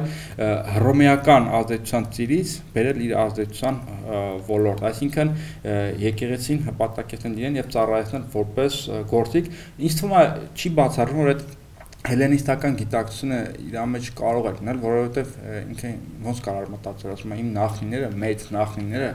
աստվածներ էին երկրի վրա։ Պապը սաղմոսներ կարդում էր սատիկները։ Չէ, ինչ սաղմոս։ Հա, բայց ասում եմ, ես պետք է ինչ որ տես մատ հռոմեամետ կաթողիկոսի առաջ խոնարհվում։ Գիտենք, որ քրիստոնե քրիստոնեության այդ ամենամեծ առանձնահատկություններից մեկը իշխանության դուալիզմն է, հոգևոր եւ աշխարհիկ իշխանությունների հստակ տարանջատում, այդտեղ երկու մոդել է առանձնանում, մեկը այդ արմիցյան եկեղեցու մոդելն է, որ արդեն եկեղեցին պետության կարգավիճակ է ստանում եւ կոնկրետ, հա, հստակ տարանջատվում է աշխարհիկ իշխանությունից կա նաև բյուզանդական տարակեպը, որ այդ հանտիկտոնիզմ ձևակերպված կայսրը դառնում է Աստծո ընկերը, ինքն է մեծ հաշվով դրսևորվում որպես եկեղեցու առաջնորդ, հենց Պապը փաստորեն ուզում է դառնա եկեղեցու առաջնորդ, եկեղեցին դարձնելով իր կրծեր գործակիցը։ Իդեպ Թյուդորների Թյուդորների մասին հերոստասերիալ կա, որտեղ Հենրիխ անգլիկան եկեղեցու առաջնորդ են տալու։ Այս սկզբում կոնֆլիկտ է ունենում, դե ուզում է բաժանվի 18-րդ կնոջից մեկի հետ, այնտեղ ասում են չէ չի կարելի, դե 1000 սիրական։ Այս դասական համակարգի մեջ չի եղավ, որովհետև ռեֆորմացիայից հետո է անգլիկան եկեղեցին, բայց հա, էլի միտքը այն, որ կենտրոնական իշխանության պետության կենտրոնական իշխանության գերագայությունը եկեղեցու ու ինքը չի ճանաչում եկեղեցուն որպես առանձին սուբյեկտ, էլ չասած որ այդ եկեղեցին որպես առանձին սուբյեկտ դրսից ունի հովանավորություն ու այդ այդ կար էլի, իսկան մենք այդտեղ արդեն տեսնում ենք, որ այդ միահեծան իշխանությունը, կենտրոնական իշխանությունը, այդ հակավորական իշխանությունը որպես պետության առաջնային սիմվոլ ու եկեղեցու այդ հակամարտությունը կար էլի բայց ինչպես Պապը նաև ինչ անում, փորձում է եկեղեցու տնտեսական ազդեցությունը զսպել, հողերն է կրճատում, հարկերը հարկերը, որ արդեն սարկավակների, մարկավակների այդ բարեկամները չեն կարող։ Այն ժամանակ այդ այդ ներկայացպես սպորտը։ Եվ այս քայլերը ինձ թվում է ժամանակավորապես Երբ որ այս իրավիճակում, երբ դու պետք է հասկանաս, որ քո անձից է կախված պետության հետագա ընթացքը, պետք է այսինքն գնաս գործը շատ զգուշ, շատ հանգիստ, սրան չնեղացնես, նրան չնեղացնես, բայց ինքը ինձ թվում է այստեղ տակարություն տակարություն անում եւ կտրուկ գործողություններ։ Միտքը ճիշտ էր, բայց այդ հախորնությունը ու արագությունը բոլորը իրար հետ անելով։ Ասենք պապա ազգակործան պատուհասեր էս էս։ Չէ, ինձ պապա ազգակործան պատուհասի վերջի արարն էր, այդ այդ անիցիալ արքանների այդ շարքը կար։ Ուզում էր աներ, բայց արդեն դատապարտված էին բայց այստեղ այստեղ հասկացանք, չէ՞, որ ինքը հակաեկեղեցական գործիչ չի, ինքը եկեղեցու հիմնադիրներից մեկն է, լուսավոր չի եւ Մաշտոցի հետ միասին, այսինքն ինքը եկեղեցուն ազատում է այդ ընդհանրական Ապա ուղակի պատուհաս էր քաղաքական առումով ընդհանրական եկեղեցու պատուհասացնեմ էլի ընդհանրական եկեղեցու ազդեցությունից ազատում է կապադովկիական աթոռի Միջև հիմա առաքելական եկեղեցու վարդապետության հիմքում այդ կապատովկյան սինթեզն է, էլի, այդ երեք աստվածաբանների Բարսեղ Կեսարացու, Գևոկ Գրիգոր Նյուսացու եւ Նազիազացու։ Ինչ անուն ասես, կարաս ասես, մեկը դու սովորել ես, քեզ կվստահեն, շատ են ստուգել, արխային ինչ։ ես հստակ կարամ ասեմ, դու այս թեմանից չէր, ես կյանքումս եթե մի բան գիտեմ, դու դա չէր դողում, որ ես քննարկեմ, մտել եկեղեցու թեմայի մեջ։ Էդ էլ էր ուզում տանել։ Դե տնային ուզում է վրիցը տանել։ Վերջին վարտիքսը ուզում եք հանեք տանեք։ Լսի ինչ ես կարծում, որ papa Բայց այդտեղ մատ մեծ աբզաց բաց թողեցինք Ռոմ գնալը։ Հա, հեսա հեսա դառնանք դրան։ Պապը ինքը հռոմեացիների ուժով հռոմեացիների զորքով ուժով հովանավորությամբ գալով իշխանության։ Ինչ է խելքին փչում հռոմեացիների համար 1 հռոմեացիների համար 1 դաշնակցի ու Հայաստանում իրանց հիմնասիոնի եկեղեցու դեմ գնա։ Իսկ հույսը ո՞րն էր։ Կարող շապո ասում էր ապերոտը մի քիչ ժողովրդին բրթիկ կամ կողմն։ Հասկանում ես, չէ, ինքը հռոմեացիների հովանոցյան ուժով գալիս է իշխանության ու սկսում է հռոմեական կուսակցության դեպ պայքար։ Ու տենց գիտես ոնց պայքար են, որ նախընթաց տարիներին ոնց էր որ պաշտոնյաները բանակից բոլորը ազատված են մեկի ոտներ կարճ մեկի աշկը լավ չէր տենում մեկի ականջներ կլոր բան չգիտեմ ամեն ինչով ու նաև իրենց շատ ֆենոմենալ ձևով իրենց բոլոր տնեցիկ բանակից ազատում են տենց նույն ձևով եկեղեցականներն էլ ասենք ախպերները երեխեքը թորները սա ազատված են ուրիշ խնդրեմ էլ կար մամիկոնյանների եւ լուսավորիչների ազգակցական կապը դաշինքը եւ ամենայն հավանականությամբ կարող է լինել օթում արկախված ծրագիր, պլան, որ մուշավորիչների աջակցությամբ իշխանության բերել Մուշեղ Մամիկոնյանին ու Հայաստանում վերջնականապես որ հաղթանակի հասնի այդ հռոմեամետների, Մամիկոնյանների եւ լուսավորիչների առաջնորդությամբ գործող կուսակցությունը ինքը ինձ թվում է նաեւ իր անձի վախ ուներ ժամանակի, հա, անձի համար։ Ժամանակի վախ ուներ կարող է նաեւ։ Մտածում էր չի հասցնի։ Անձի վախ կարող է ունենալ, որ արագ չեզոքացնի լուսավորիչների ազդեցությունը ու բերի ոչ պակաս ազդեցիկ աղբյանոսի տոնին։ Լուսավորիչների բյուրեղ թղամասում տուն մուն չեն առնում, գրեին մրեին այդ հարցը ոնց որ։ Լավ ունեին։ Աղբյանոսենք էլ գիտես ինչ արեցին լուսավորիչները իրենց վարկագծում հակոստի մեջ շատ ժուշկալ էին այս Աղբյանոսենք այդ հին հեթանոսական սախ ճոխությունը նորից բերեցին եկեղեցի այդ ոսկեզոծ եպիսկոպոսական դեպի նայես վստահ ես էլ ինձ ախրանանն լի շահը դարձավ իմիջալուց հին ավանդույթի համաձայն պապի շատ հավատարիմ Խոստովանը հայրն է, չէ։ Գործընկերը։ Անընդհատ բանակատեղի մեր իդեպ է դա շատ կարևոր։ Վերջը, հենց Հռոմեացիները դե հասկանում են, որ Պապը ոնց որ բանը բանից անցել է, բզբզում է, թոկերից, սանձերից փախել է, շապուի հետ արիշ վերիշների մեջ ոնց որ թե ուզում է մեր տղեկին ստնեղի, կանչում են իրենց մոտ։ Կանչում են իրենց մոտ, կանչում են իրենց մոտ Կիլիկիա, գնում է թե գնում է Թեոդոսի մոտ։ Մի անգամից գերի են վերցնում, նո գերի չեն վերցնում, պատպավոր պատանդությունա, փակում են, ասում են, ստեղից չես գնալու Պապս հասկանում է, որ բանը բանը ցանցել է, հռոմեացիները ոնց որ հասկացել են, որ ինքը ոնց որ թե ուզում է ուզում է թուլացնի պրոհռոմեական կողմնորոշումը ու նաև ինչ որ առումով հզորացնի պրո սասանյան կողմնորոշումը պատանդ պատանդարու են պատանդում են իրան Կիլիկյան փախնում է փախնում է գալիս է Հայաստան ու ստեղ վերջում արդեն երկու արար կա մեր հայաց պատմության մեջ դասագրքերում ակադեմիական ուղղությունը բանը ինքը բյուզանդականը ըստ բյուզանդի Պապին Տերենտիոսը Հայաստանում հռոմեական զորքերի ղեկավարը կանչում է 102, ասում 102 կանչում է ընտրիքի ու ընտրիքի ժամանակ Պապին սպանում են կանչում է 102 ռազմաբազա ընտրիքի ու ընտրիքի ժամանակ Պապին սպանում են ըստ խորենացու Պապը ապստամբում հռոմեացիների դեմ ճակատամարտ է տեղի ունենում, որտեղ Պապը պարտություն է կրում, հռոմեացիները գեր են վերցնում Պապին, տանում են կայսեր մոտ, կայսերին պապը չի կարող համոզի գլուխը կտրում են։ Ես օրինակ այդ առումով ավելի խորենացիական խորենացիական այդ մեկնաբանության մեկնաբանության կողմնակից եմ, որովհետև ես օրինակ չեմ պատկասնում, որ պապը արդեն գիտի, որ հռոմեացիները պալիտ են արել իր արիշվերիշները շապուհի հետ, գալիս է ստեղ ու գնում է ինչ որ ընտրիքի 102 ռազմաբազա իմաստը։ Բայց օրինակ որ ճակատամարտ լինի, պարտվես գերինգնստանեն գլուխն կտրեն, դա ավելի խելքին մոտ է, էլի։ Այնց բուզանդի տարբերակն ավելի դուր գալի, ոչ թե որ իրականն է,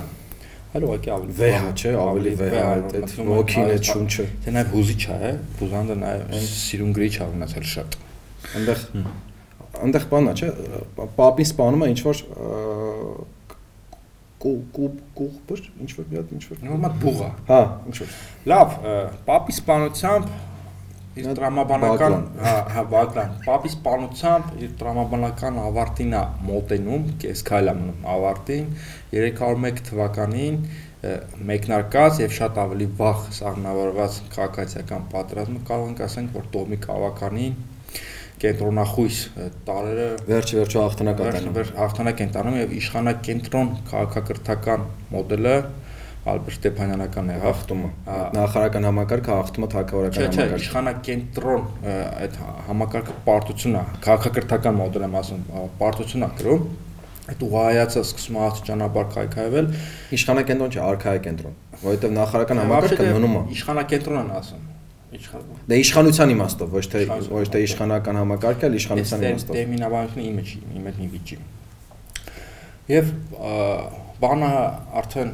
տրամաբանական ավարտն լինում է, որ արդեն 428 թվականին հայոց նախարարները դիմում են Պարսից թագավորին։ Էլի խորենացիով։ Խորենացիով ասում են, որ մեզ ալևս թագավոր։ Միշտ որ պետք չի հարկ տալու համար, ինչ որ թագավոր պետք չի, մենք նայող ուղարկեք։ Պարսիկ վերակացու ինչ որ մատ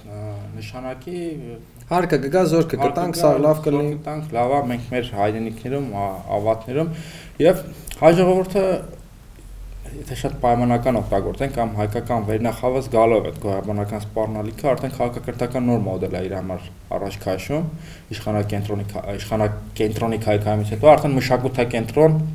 պահանջարկա ստեղծում ստեղծել հայոց գրեր կամ վերականգնել, չգիտեմ, հայոց գիշտ է։ Հմ նայած ցանկության։ Նայած, նայած։ Արտասման ստեղծի, արտասման վերականգնի, արտասման գտնի։ Ես Մեսրոպ Մաշտոցի Վռամ Շապուի Սահակ Պարթևի նվաճումը այբուբեն ստեղծել է, չեմ համարում։ Իրանք իմաստասիրական դբրոց բերեցին Հայաստան Պլատոնին եւ Արիստոտելին, այսինքն դբրոց ստեղծեցին